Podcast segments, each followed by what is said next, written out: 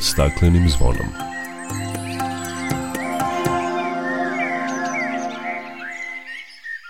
Dobar dan i dobrodošli na Zeleni talas prvog programa radija Radio Televizije Vojvodine. Ja sam Dragana Ratković. U ovo nedeljnom izdanju emisije čućete koji je ishod sastanka premijerke Ane Brnabić sa predstavnicima organizacije Ne damo jadar iz Gornjih nedeljica i koji zahtev od vlade traži da se ispuni pokret Kreni promeni koji je ponovo organizovao proteste. Biće reći i o rezultatima analize primene strategije razvoja sistema zelenih prostora grada Novog Sada od 2015. do 2030. koji je uradio pokret Gorana – Širom sveta 26. januara obeležen je Svetski dan obrazovanja o zaštiti životne sredine. Govorit ćemo o obrazovanju za očuvanje životne sredine u školama, kao i o povezivanju dece i mladih sa prirodom kroz projekat WWF-a Akademija za prirodu, kao i o rezultatima takmičenja u prihranjivanju ptica ptice moje hranilice. Toliko u najavi o svemu opširnije nakon pozdravne pesme. Dok priroda kraj nas plače Za vladarskim svojim tronom. Tužno vele narikače Pod staklenim smo zvonom. Znaj vazduha više nema Sve manje je i ozona. Protiv sebe ide čovek i to često bez pardona. Uništenju živog sveta Kao da su ljudi skloni. Čovek sam je sebi meta Zbog njega ovo zvono zvoni Uništenju živog sveta Kao da su ljudi skloni Čovek sam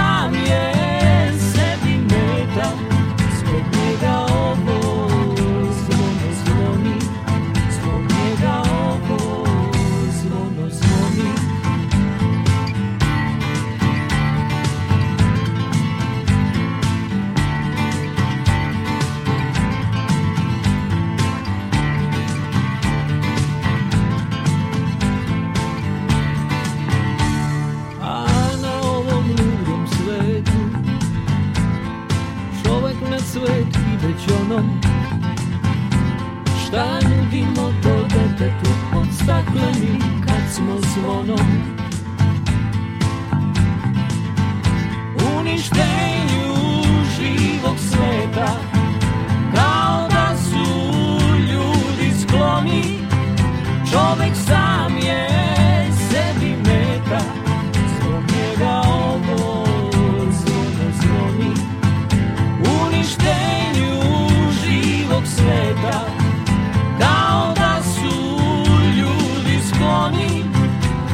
Čovek sam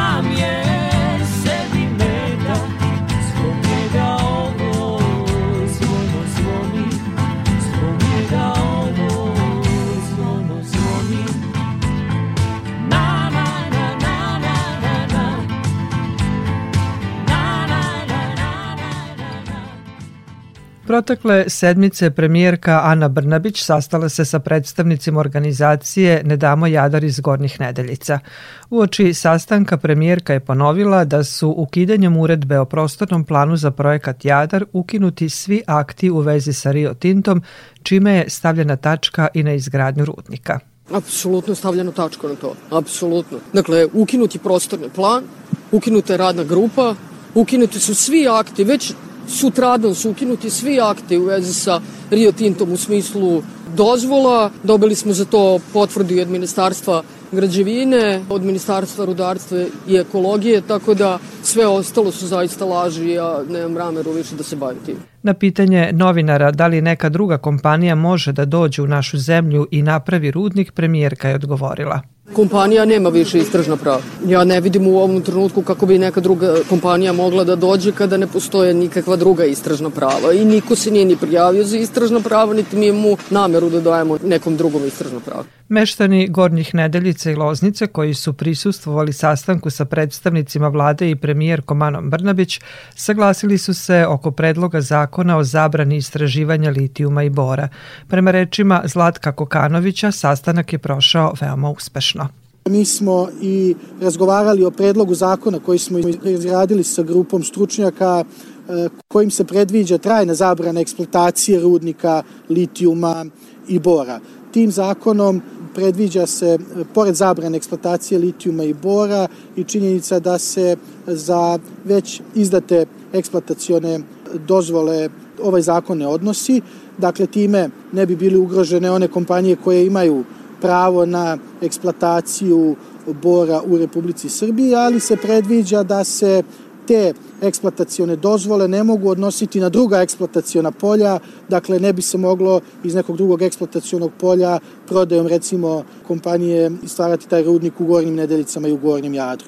Premijerka nas je u više puta uveravala da u ovom trenutku za nju projekat Jadar je gotov i da za nju pitanje usvajanja ovog zakona treba da bude pitanje radne grupe koja će se oformiti i koja će u tom smislu raditi na donošenju zakona o zabrani istraživanja litijuma i eksploatacije litijuma i bora. Dakle, a priori nije odbijen ovaj predlog. Rečeno je da u ovom trenutku ne postoji s obzirom na raspisivanje izbora i činjenicu da Skupština zaseda do 15. februara i da se tada raspušta. Dakle, eksplicitno nije odbijen predlog zakona, ali se ukazalo na potrebu formiranja radne grupe koja će u budućnosti e, uraditi analizu i pravnu i tehničku redakciju tog zakona koji smo predložili. Kokanović je istakao da mu je ovaj sastanak ulio nadu da će problem biti konačno rešen, ali da bitka nije ni izbliza gotova.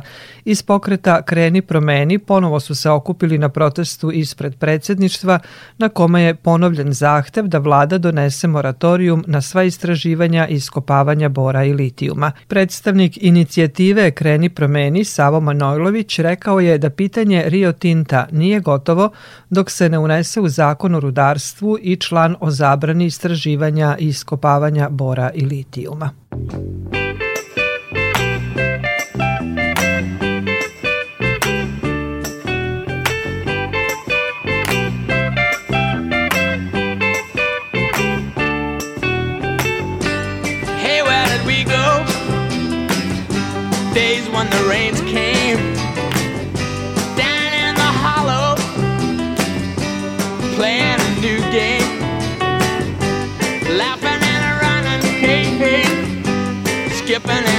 And.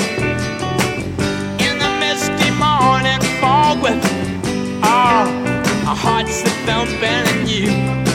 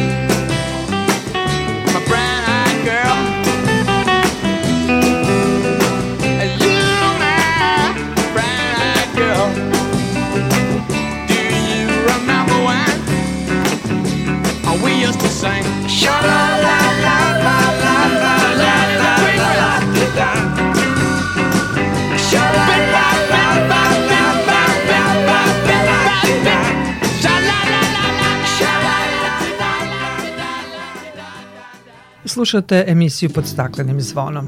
Na okruglom stolu koji je organizovao pokret Gorana Novog Sada predstavljeni su rezultati analize primene strategije razvoja sistema zelenih prostora grada Novog Sada od 2015. do 2030. u cilju pokretanja zajedničkih aktivnosti radi ublažavanja uticaja klimatskih promena u urbanom prostoru u Novom Sadu. Analizu primene strategije sproveo je pokret Gorana Novog Sada u okviru projekta Zeleni dogovor za zeleni Novi Sad s namerom da se doprinese zaštiti životne sredine, smanjenju posledica klimatskih promena i povećanju zelenih površina na teritoriji grada, kao i da osnaži građane i organizacije civilnog društva koje se bave temama iz ove oblasti da učestvuju u donošenju odluka o zelenim površinama na lokalnom nivou u skladu sa javnim politikama i propisima iz poglavlja 27. Analiza strategije predstavlja rezultat napora nekoliko stručnjaka iz oblasti zaštite životne sredine i pokreta Gorana Novog Sada da na detaljan i konstruktivan način doprinesu napređenju budućih aktivnosti u okviru strategije. Stručnjak sa Prirodno-matematičkog fakulteta u Novom Sadu, koji je učestvovao u analizi strategije Igor Stamenković, pored svih funkcija koje zelenilo ima, posebno ističe uticaj zelenila na mikroklimu, značaj zelenih površina za oblažavanje klimatskih promena u urbanim sredinama kao što je Novi Sad. Naravno da su zeleni prostori i površine veoma važne. Moje kolege sa departmana, profesor Stevan Savić i Dragan Milošević su u svojim istraživanju u prethodnim godinama dokazali recimo da u Novom Sadu je dosta zabrinjavajući podatak da u toku letnjih meseci temperatura vazduha na Grbavici zna da bude viša za 8 recimo stepeni od prostora koji su u neposrednoj blizini grada ili recimo da temperatura na limanu koji blokovski građen gde imate red zelenila, pa beton, pa neki pojas zelenila, pa stambeni blok je negde za 2 do 4 stepena povišena temperatura, što eto, samo upoređivanjem ta dva naselja vidimo da je izuzetno velik e, i veoma važan ta činjenica da što više treba ulagati i praviti neka rešenja, ne znam, zelenih fasada, zelenih krovova, sve ono što na bilo koji način može da unapredi naše pre svega zdravlje, zato što parkovi i zeleni prostori, pored ostalih svojih e, svojstava, jedna od najvažnijih dimenzija je zdravlje i u medicinskim nekim istraživanjima isto dokazano da recimo pacijenti posle operacija, posle nekog doživljenog stresa, dužim boravkom samo u gradskim parkovima, odlaskom se brže oporave recimo. To je dokazano u velikim nekim klinikama medicinskim, jel, gde postoje veliki parkovi i pored, kao što je recimo ovaj park e, kod našeg instituta u Kamenici. Takvi parkova kao što recimo Futoški park park kod kliničkog centra Vojvodine. Znači, u tom smislu, kao zaštita od buke, zaštita od aerozagađenja, daje pomoć u prevenciju, napređenju zdravlja i daje šansu građanima da brinu o svom zdravlju, da se više rekreiraju, da češće e, borave u tom zelenilu koje je prijatno za našu psihu, za odmor mentalni i fizički. Tako da parkovi imaju isto veliki uticaj na unapređenje tih negativnih aspekata klimatskih promena globalno koje se dešavaju na čitavoj planeti. Dakle, brojne su funkcije zelenila u gradu, ali ono što je problem da e, tog zelenila u Novom Sadu nema dovoljno i što evo prema nekim analizama nema ni dovoljno prostora s obzirom da se grad stalno širi, povećava se broj stanovnika i teško je naći prostor gde da te zelene površine da odredimo.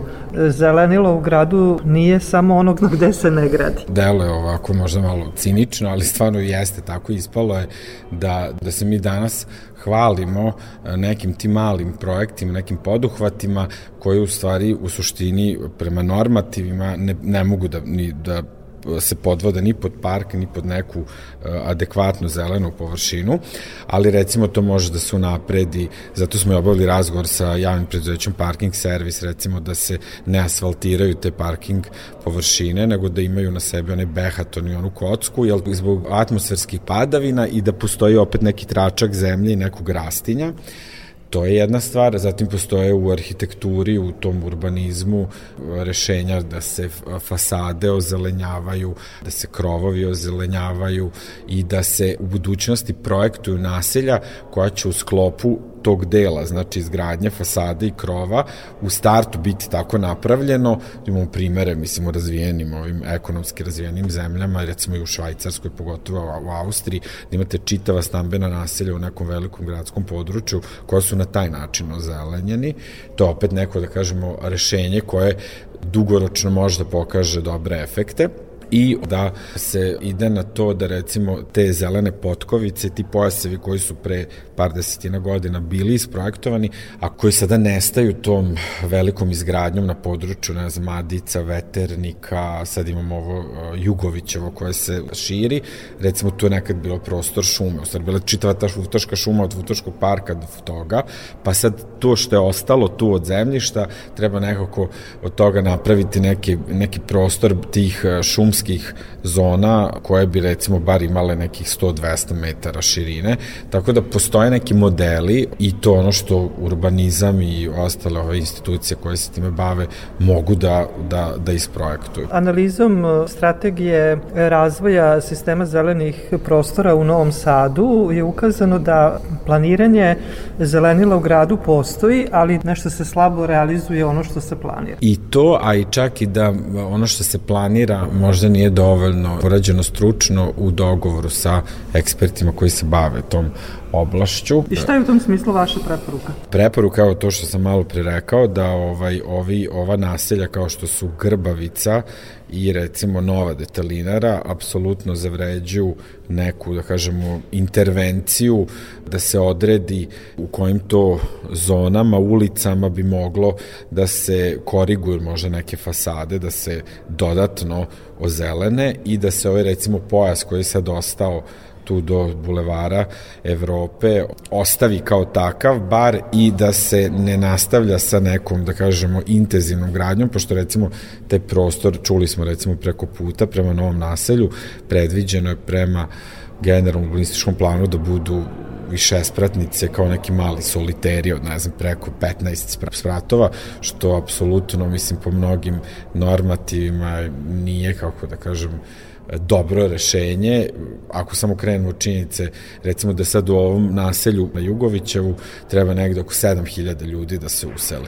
Sad možete zamisliti koja će to biti guža u saobraćaju, nedostatak parking prostora, Ostatak zelenila. Zelenila i koliko će se temperatura, znači samim tim životom napravit će se jedna mala, da kažemo, ekološka katastrofa na tom području. Treba korigovati to što može, znači u tim naseljima dati neka alternativna rešenja, i revidirati neke planove koji još nisu stupili na snagu i nadamo se sada da će ovim javnim raspravama vezano za GUP biti usvojeni neki predlozi ovih eksperata koji insistiraju da se neke stvari prosto moraju promeniti.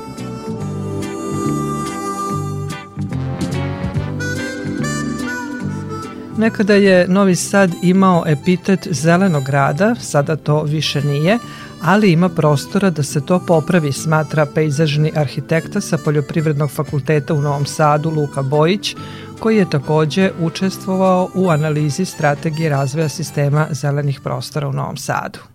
Pa ja mislim da se desilo to da je u proteklih 30 godina broj stanovnika Novog Sada naglo porastao, nastale su zone visokih gustina stanovanja, velika koncentracija ljudi na, na istom prostoru, možda nešto većem, a na samom zelenilu se nije, ne kažem da se nije radilo, nego prosto nisu stvarane nove zelene površine. I u tom smislu je, kad pogledate odnos broja stanovnika i količine zelenila, ispalo da Novi Sad počinje polako da opada sa procentom zelenila po glavi stanovnika. Da bi mogli da planiramo zelene površine u gradu, potrebno je da znamo koliko imamo zelenih površina u gradu. Istina, i da, da. I da imamo katastar zelenila. Prema vašim procenama, koliko imamo zelenila u gradu i od kolikog je značaja da imamo katastar zelenila u stvari? Smatram problemom da se proceni koliko je optimalno ono što je potrebno Novom Sadu ili bilo kom gradu, mislim da je to specifična neka količina koja treba se utvrdi. Mislim da je najbitnije da korisnici koji su u isto vreme pitani za njihove potrebe treba da budu zadovoljeni sa količinom zelenila. E sad, koji je to procenat, odnosno koji je to količina na, po glavi stanovnika, to mislim da je relativnija stvar.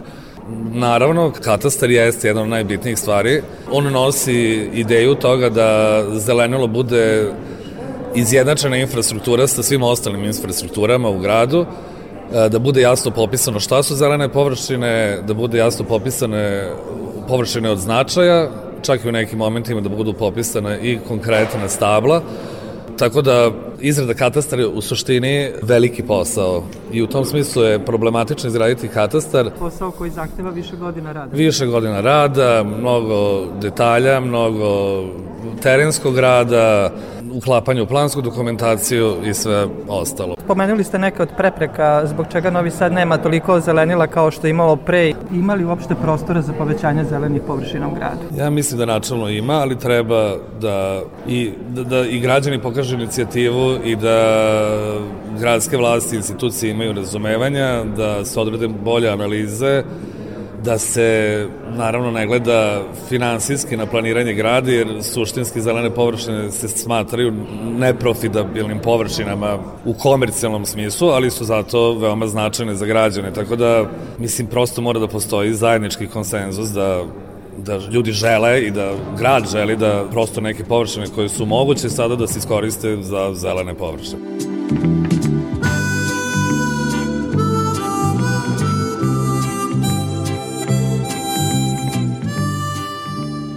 Da nedostaje zelenih prostora u Novom Sadu i da urbano zelenilo ima ključnu ulogu u oblažavanju klimatskih promena, slaže se i Radenka Kolarov, pejzažni arhitekta sa Poljoprivrednog fakulteta, ali dodaje da je zelenilo u gradu značajno i za očuvanje biodiverziteta i da je veoma važno da građani budu uključeni u donošenje odluka koje prostore treba ozeleniti u Novom Sadu time što čuvamo određene biljne vrste, bilo da su autohtone ili alohtone, svakako od velikog značaja očuvati što veći biljni fond, odnosno uvećati na taj način biodiverzitet u gradu koji se svakako nužno smanjuje. Ono što smo mi uočili kroz analizu strategije jeste da postoji potencijal u ozelenjavanju time što bismo motivisali mlade da učestvuju u tim akcijama.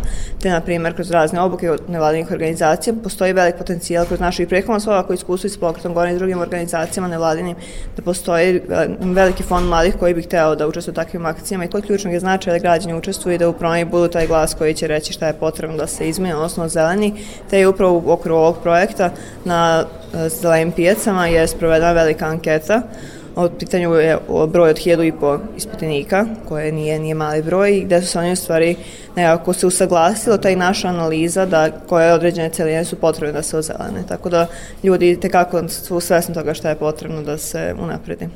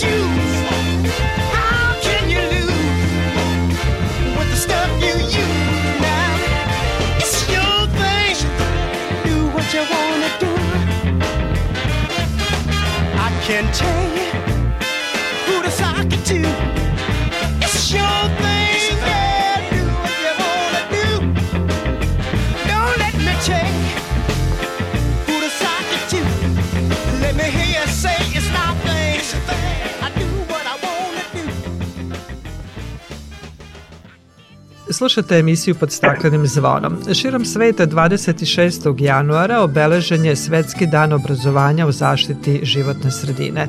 Ovaj svojevrsni praznik ustanovljen je još 1972. godine kada se u glavnom gradu Švedske, Stokholmu, održala prva konferencija Ujedinjenih nacija o životnoj sredini. Cilj te konferencije bio je da se pokrene rad na razvoju svesti o stanju životne sredine kao i o načinima na koje možemo da pomognemo u razvoju ekološke svesti. Tako je ustanovljena i Stokholmska deklaracija koja se temelji na 26 principa koji se tiču životne sredine i razvoja, a jedan od njih glasi obrazovanje o zaštiti životne sredine je od suštinskog značaja. Sada se suočavamo sa raznim negativnim posledicama našeg nemarnog odnosa prema prirodi, od klimatskih promena, loše kvaliteta vazduha, vode, zemljišta, energetske krize i sve to naravno izaziva i zdravstvene probleme. Značajnu ulogu u promeni svesti ima edukacija – Dakle, podizanje ekološke svesti i obrazovanje jeste suština obeležavanja Svetskog dana obrazovanja o zaštiti životne sredine. Tim povodom sa nama jedna od najboljih edukatorki u našoj zemlji u prošloj godini, Bojana Molnar, nastavnica biologije u osnovnoj školi 2. oktobar u Zrenjaninu. Bojana, dobar dan i dobrodošli na Zeleni talas Radio Novog Sada. Dobar dan.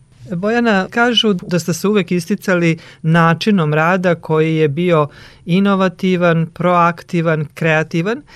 Trenutno se suočavamo sa raznim negativnim posledicama našeg nemarnog odnosa prema prirodi, a kažu da je najbolji način da se deca upoznaju i zavole prirodu time i biologiju rad na terenu. Vi to u svom radu vrlo često primenjujete. Da, pokušavam kad god mogu da izvedem decu na teren i sa redovnih časova. Kad to nije moguće, onda to radim kroz projekte i svi projekti koje sam radila sa kolegama iz Udruženja nastavnici prirodnih nauka iz Renjanina su se odvijali na terenu.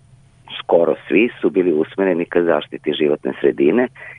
To mi je jedan od načina kako decu naučiti, kako decu uputiti ka prirodi i kako da deca zavole prirodu. Recite nam neki od tih vaših projekata. Jedan od prvih je parkovi grada Zrenjanina, gde su deca posetila sve parkove, upoznala vrste drveća u parkovima, naučili zašto su važni parkovi, ali su recimo imali priliku i da se upoznaju sa različitim tipovima parkova koji postoji kod nas i u svetu i da sami dizajniraju model parka kakav bi oni želeli i koji sadržaj bi trebali da postoji u parku po njihovom mišljenju. Kako deca reaguju? Koliko oni usvajaju ta znanja na terenu? Mislim da vrlo lepo reaguju.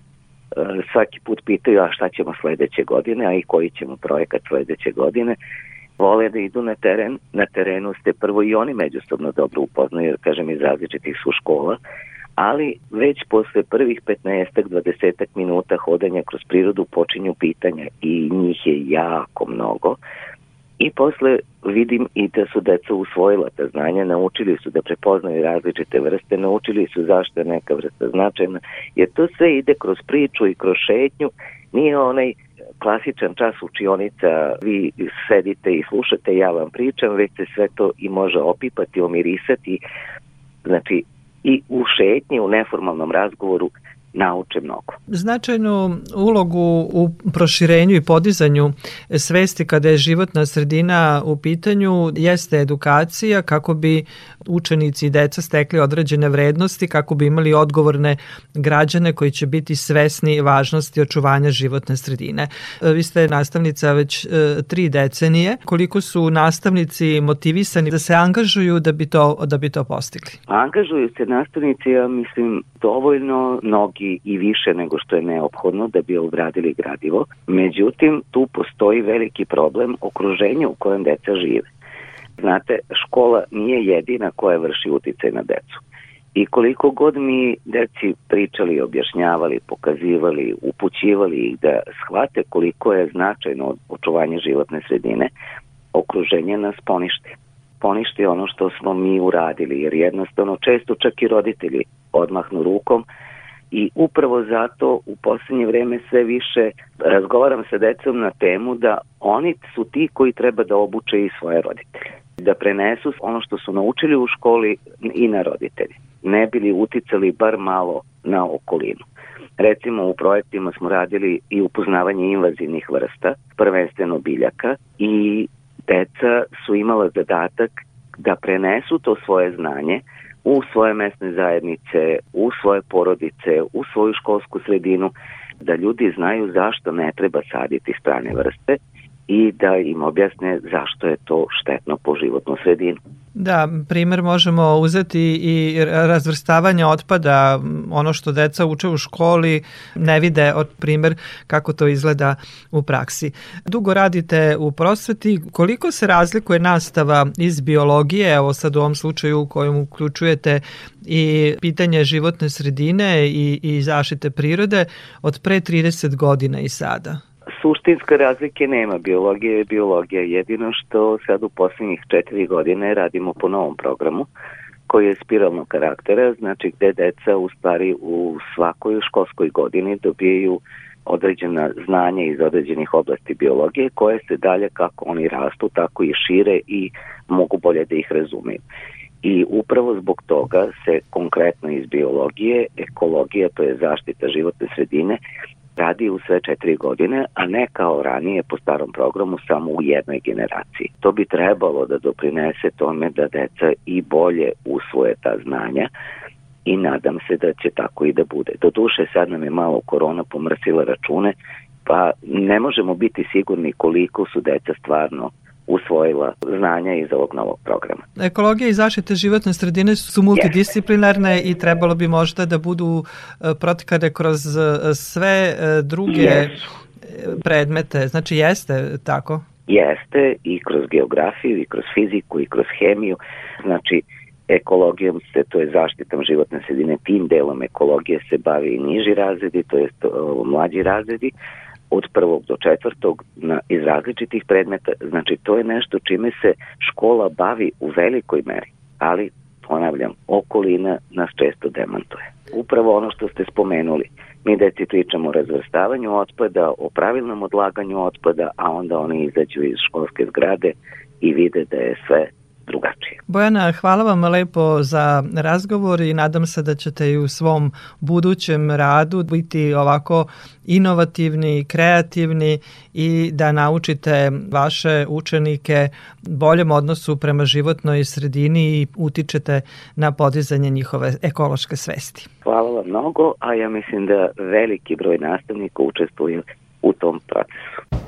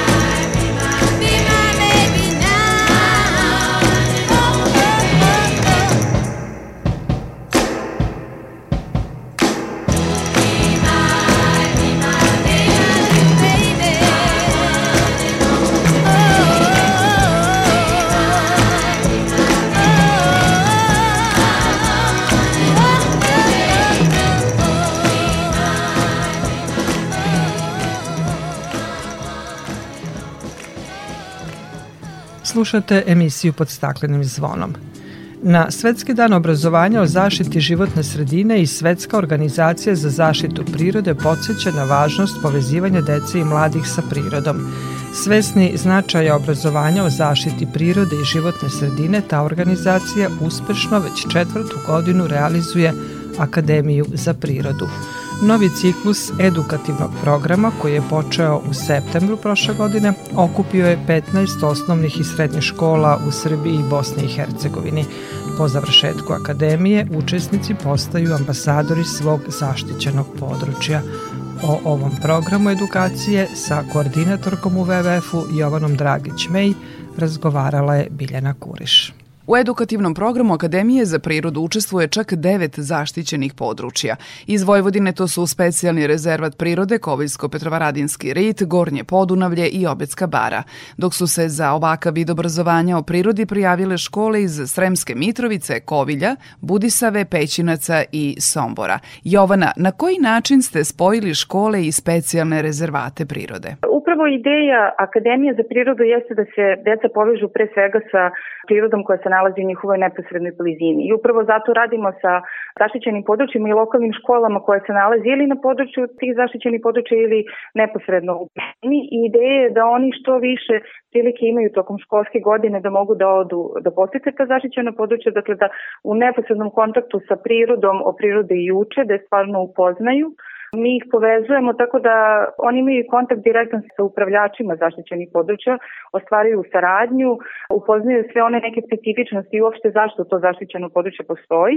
Zatim um, upoznaju se i sa poteškoćama i izazovima koje ovaj, svako to zaštićenih područja ima i osmišljavaju svoje školske projekte kroz koje informiš dakle, i unutar dakle, njihove škole, dakle i druge vršnjake ove, koji nisu konkretno uključeni u taj program, ali i lokalnu zajednicu od roditelja preko nekih drugih zainteresovanih strana o tome i šta je to što je toliko ono specifično i lepo, ali kažem i šta je ono što je problematično. Ono što je ovo ovaj, isto interesantno jeste da nije fokus samo na prirodnom nasleđu, nego deca istražuju zajedno dakle, sa njihovim nastavnicima i kulturno nasleđe koje je naravno neraskidivo povezano sa prirodom, pod uticajem prirode i formirano i nekako postalo specifično baš za svaki kraj. Tako da ovaj, deca stvarno imaju nekako prilike i da, da nauče, da istraže, da se aktivno uključe u zaštitu, da sami osmišljavaju da preuzmu neke uloge, kada će i oni voditi neke aktivnosti, stvarno nekako trudimo se da ih osnažimo što više u tom čitavom procesu. Kako je zamišljena nastava? S jedne strane, dakle, je bilo važno da nekako promovišemo zaštićeno područje kao učionica na otvorenom i na mesta gde stvarno, pošto su to centri biodiverziteta, bogatstva biljnog i životinskog sveta, to su stvarno fantastična mesta na kojima najbolje možete da naučite o tome i kako pioniše i kako je to sve povezano i na kraju krajeva gde smo mi u svemu tome, odnosno i ti mladi učenici. A sa druge strane, stvarno nekako mislimo da toliko ima prostora da se o prirodi uči napolju, dakle u njenom e, neposrednom okruženju, u direktnom kontaktu i to je nekako naša vodilja zašto smo se upravo odlučili za takav neki pristup. I to što ovaj program se nastavlja, čak smo eto, uspeli da se prilagodimo ove uslove koji traju od kako je krenula pandemija i to što imamo fantastične škole koje su nekako zadržale taj entuzijazam i motivaciju da i pored svih tih poteškoća oni se bave i ovakvim aktivnostima i da prepoznaju koji je značaj nama govori u stvari da smo nekako na pravom putu i da to ima smisla. Jovana, iza sebe imate četiri ciklusa edukativnog programa. Kakva su vam iskustva? Koliko su mladi zainteresovani da uče o zaštiti prirode? Neka ideja e, njihovog učešća, dakle, jeste da oni kroz tu jednu školsku godinu, kada učestvuju u samom programu Akademije, da na kraju tog programa postanu ambasadori svog zaštićenog područja. I ideja je da to ambasadorstvo ne bude samo aktivno tokom te školske godine, nego da je to nešto što će oni nastaviti da nose. Dakle, škola postaje ambasador, učenici postaju ambasadori tog zaštićenog područja i mi se trudimo da im nekako i pomognemo, ali samo zaštićena područja sa školama rade na tome da ta saradnja se onda nastavlja iz godine u godinu. Tako da vi onda dobijete generacije dece koja stvarno to zaštićeno područje koje je njihovo pre svega, da ga na najbolji način i upoznaju i da ga štite onda naravno ovaj, kroz sve to. To je nekada naša čitava ideja. Ali to nije sve kada je reč o edukativnom programu WWF Akademije za prirodu. Niste zaboravili na predškolce. Htela bih da iskoristim priliku i da pozovem sve vaspitače, vaspitačice, učitelje, učiteljice da odu na naš sajt www.adriasrbija.org i među publikacijama da nađu jednu publikaciju koju smo nedavno objavili, a zove se Upoznajte svijet sa Livadikom Poljakov, koju smo uradili u saradnji sa Ljiljanom Jovanovićem, našom saradnicom. To je fantastičan jedan priručnik koji će vam dati brojne ideje o aktivnostima koje možete da radite sa vašom decom, dakle u vrtiću ili u mlađim razredima osnovne škole, ali su tako i roditelji ili tetke, ujaci, ovaj, kad odu u prirodu sa, sa decom mogu da nađu brojne ideje i baš je stvarno fokus na tim raznim aktivnostima gde će deca kroz igru da se povežu sa prirodom, jer to je nešto i što razne studije nama ovaj, govore, a to je da se taj ekološki identitet i odnos prema prirodi najbolje gradi upravo u tom nekom uzrastu kada vi prosto kroz igru usvajate razne neka znanja, dakle i kako nešto funkcioniše oko vas. A ko je Livadinka Poljakov? Pošto ima nekoliko tema, ove, i svaka tema ima čak i priču kroz koju vas vodi ta mišića Livadinka Poljakov i ove, to može kao priča da se pročita pogotovo kad su deca mlađa, a onda mislim tako da se uvede u neku temu, a teme su ne znam voda, zemljište, hrana, biološka raznovrsnost i tako dalje. Jovana, hvala vam na razgovoru. Hvala vam puno na interesovanju za ono što ovaj, radimo i ono što rade naše škole. Bila je to koordinatorka WWF programa edukacije Jovana Dragić-Mej.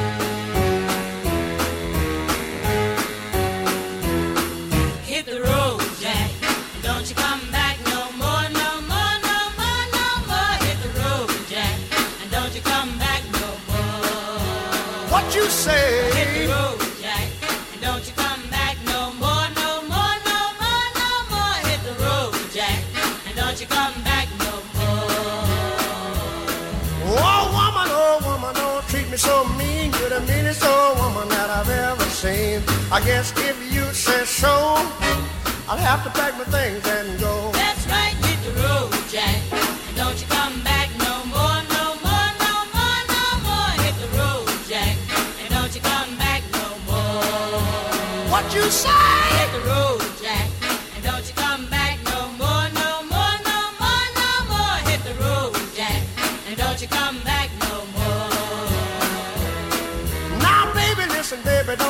Me this away, cause I'll be back on my feet someday. Don't care if you do, cause it's understood. You ain't got no money, you just ain't no good. Well, I guess if you say so, I'll have to pack my things and go.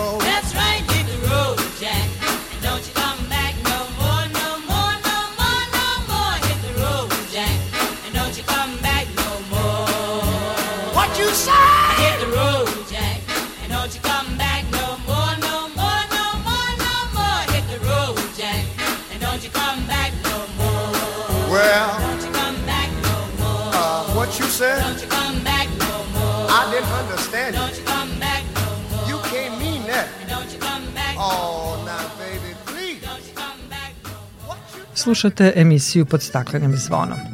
Do pre koju godinu imali smo svega jedan par orlova krstaša na severu Banata. Pre nekoliko godina pokrenut je projekat Panon Eagle Life u kojem učestvuje nekoliko država – Slovačka, Austrija, Češka, Mađarska i Srbija za očuvanje populacije ove veličanstvene ptice. Mere koje su preduzete dale su rezultate i sada imamo tri odrasla para orlova krstaša koji se ubrajaju u najređe ptice u našoj zemlji. Ovih dana objavljena je lepa vest da orlovi krstaši Srbije krstare panonskom nezijom. Naime, mladunci Orlova krstaša, dva od četiri, Mima i Mihajlo, koji su se izlegli prošlo proleće na severu Banata, članovi Društva za zaštitu i proučavanje ptica Srbije aktivno prate uz pomoć najsavremenije satelitske tehnologije, tako da je poznato gde su se kretali od prvog izletanja iz gnezda pa sve do danas. Prema rečima Maksima Karanovića iz ovog udruženja, Mima i Mihajlo preleću ogromna prostranstva na jugu Panonske nizije. Od sredine jula pa do ovih dana Mihajlo je preleteo 6815 km, a Mima 6320 km i to na teritoriji tri države, Srbije, Mađarske i Rumunije. Mladi orlovi boravili su sredinom januara u Mađarskoj, gde su ih uočili i fotografisali mađarski istraživači tokom zimskog popisa ptica vodenih staništa i panonskog popisa ptica grabljevica. Na osnovu fotografija i praćenja kretanja orlova zaključuje se da su u odličnoj kondiciji i da su savladali veštine pronalaženja i ulova plena. Mladim krstašima prete mnoge opasnosti poput trovanja, stradanja na dalekovodima i gladi zbog čega se svakodnevno prate i u slučaju opasnosti po njihov život, mi i kolege iz države u okruženju bismo bili spremni da pristupimo hitnom spasavanju orlova, kaže Karanović. Orao krstaš, simbol sa nacionalnog grba u Srbiji ima status kritično ugrožene vrste, te je svaka jedinka izuzetno značajna za njihov opstanak. Za spas ove vrste pre svega treba očuvati stepska i slatinska staništa u Vojvodini, a sadnja drveća, postavljanje veštačkih gnezda, revitalizacija staništa i redovno posmatranje predstavljaju ključ očuvanja ove vrste.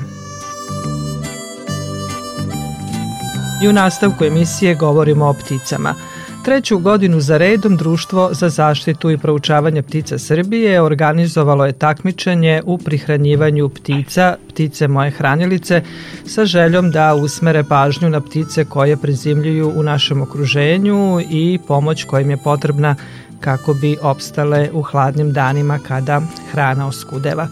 Ovo jedinstveno takmičenje trajalo je od 15. decembra do 15. januara i ovih dana su objavljeni rezultati.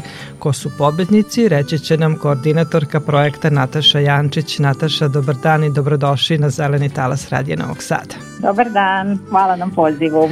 Nataša, čuli smo se kada je takmičenje počelo, ono je sada završeno, proglašeni su pobednici, ali pre nego što čujemo ko su pobednici, recite nam koliko je bilo učesnika koji su se prijavili za ovo takmičenje, koliko je bilo onih koji su pomogli pticama da prežive ove hladne dane, koje su ptice koje su takmičari zabeležili, koje su bila njihova zapažanja i nešto o tome nam recite.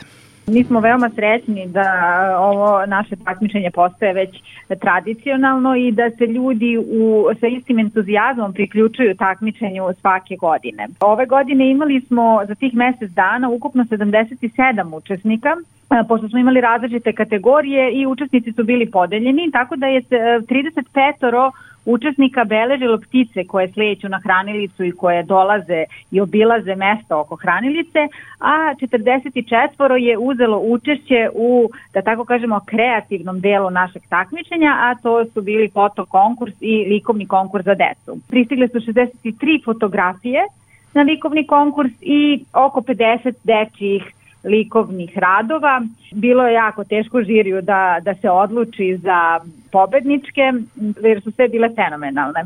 Takmičenje je bilo podeljeno u nekoliko kategorija, pa da čujemo ko su pobednici po kategorijama. Kada govorimo o e, kategorijama prebrojavanja ptica na i oko hranilice, Prva kategorija je bila hranilica sa najviše vrsta ptica. Pobednik je Rudo Jan Čepera. On je na svojih pet hranilica, koliko ih ima u svom dvorištu, zabeležio 11 različitih vrsta ptica. E, druga kategorija bila je hranilica sa najviše jedinki ptica i pobednica je iz Kovina, zove se Biljana Marinović i ona ima čak osam hranilica u svom dvorištu, pa i ne čudi što je na tih osam hranilica tokom samo jednog posmatranja od sat vremena izbrojala 262 jedinke ptice. Kada govorimo o fotokonkursu, pobednik je Miša Zlatarov, on je imao jednu predivnu fotografiju brgljeza na jednoj hranilici koja je napravljena, da tako kažemo, od starog fenjera. I kada govorimo o likovnom konkursu za decu, pobednica je Jana Marčeta, devojčica iz Subotice. Ono što je jako zanimljivo u vezi sa ovim dečijim konkursom je da su svi radovi zapravo pokazali koliko su naši najmlađi upućeni na svet ptice i prirode i da je potrebno da ih mi odrasli samo malo motivišemo i usmerimo da bi se kreativno izrazili. Pobednik u kategoriji hranilica sa najviše vrsta ptica zabeležio 11 vrsta ptica. Koje su to e, ptice koje su zabeležene? Evo, mogla bih samo za početak možda da kažem da na čitavom takmičenju zabeleženo ukupno 31 vrsta ptica i ukupno 2882 jedinke. Najčešće vrste koje su se viđale na hranilicama naših takmičara su velike senice, poljski vrapci pokućari i divlji golubovi a naš pobednik e, je zabeležio gugutku kopca, sprahu, velike i plave senice, crvendaće, poljskog vrabca, običnu zebu, žutaricu, zelentarku i jelovu senicu. Nataša, takmičenje je završeno, ali tokom zime se na hranilicama skuplja, čuli smo eto mnogo ptica koje vremenom i postaju zavisne od hrane koja im je ponuđena i nagli prekid hranjenja može biti fatalan. Tako je. Tako da mi uvek motivišemo i naše članove i pratioce na društvenim mrežama i naravno učesnike takmičenja da je važno da se hranjenjem ne prekida, te kada krenu lepši dani i kada hrana postane dostupna pticama možete polako smanjivati hranu koju im dajete i na kraju je skroz i ukinuti. Ono što smo zaključili i ove godine iz našeg takmičenja je da ptice najviše vole da jedu suncokret, neoljušteni sirov, zatim pšenicu i kukuruz, a vole i da se zaslade jabukom. Ono što je bilo vidljivije u odnosu na prethodne godine da su mnogi učesnici pravili takozvane lojne kugle koje se prave od raznog zrnevlja koje se umeša sa goveđim ili svinskim lojem i to pticama obezbeđuje energiju i one rado dolaze na tu vrstu hrane. Dakle, ako smo ih već hranili tokom ovog perioda kada je bilo hladno, hladan period još e, traje i potrajeće, dakle treba da nastavimo da hranimo ptice, a pored hrane pticama će koristiti sveža voda ostavljena na hranilicu koju treba s vremena na vreme očistiti upravo tako. Nataša, hvala vam lepo za razgovor, pre svega što ste nam saopštili imena pobednike takmičenja Ptice moje hranilice, a naravno i sa ovim savetima da se nastavi sa prihranjivanjem ptica u ovim hladnim danima kada hrana oskudeva. Hvala još jednom. Hvala vama što uvek ispratite naše aktivnosti i prenesete dobar glas.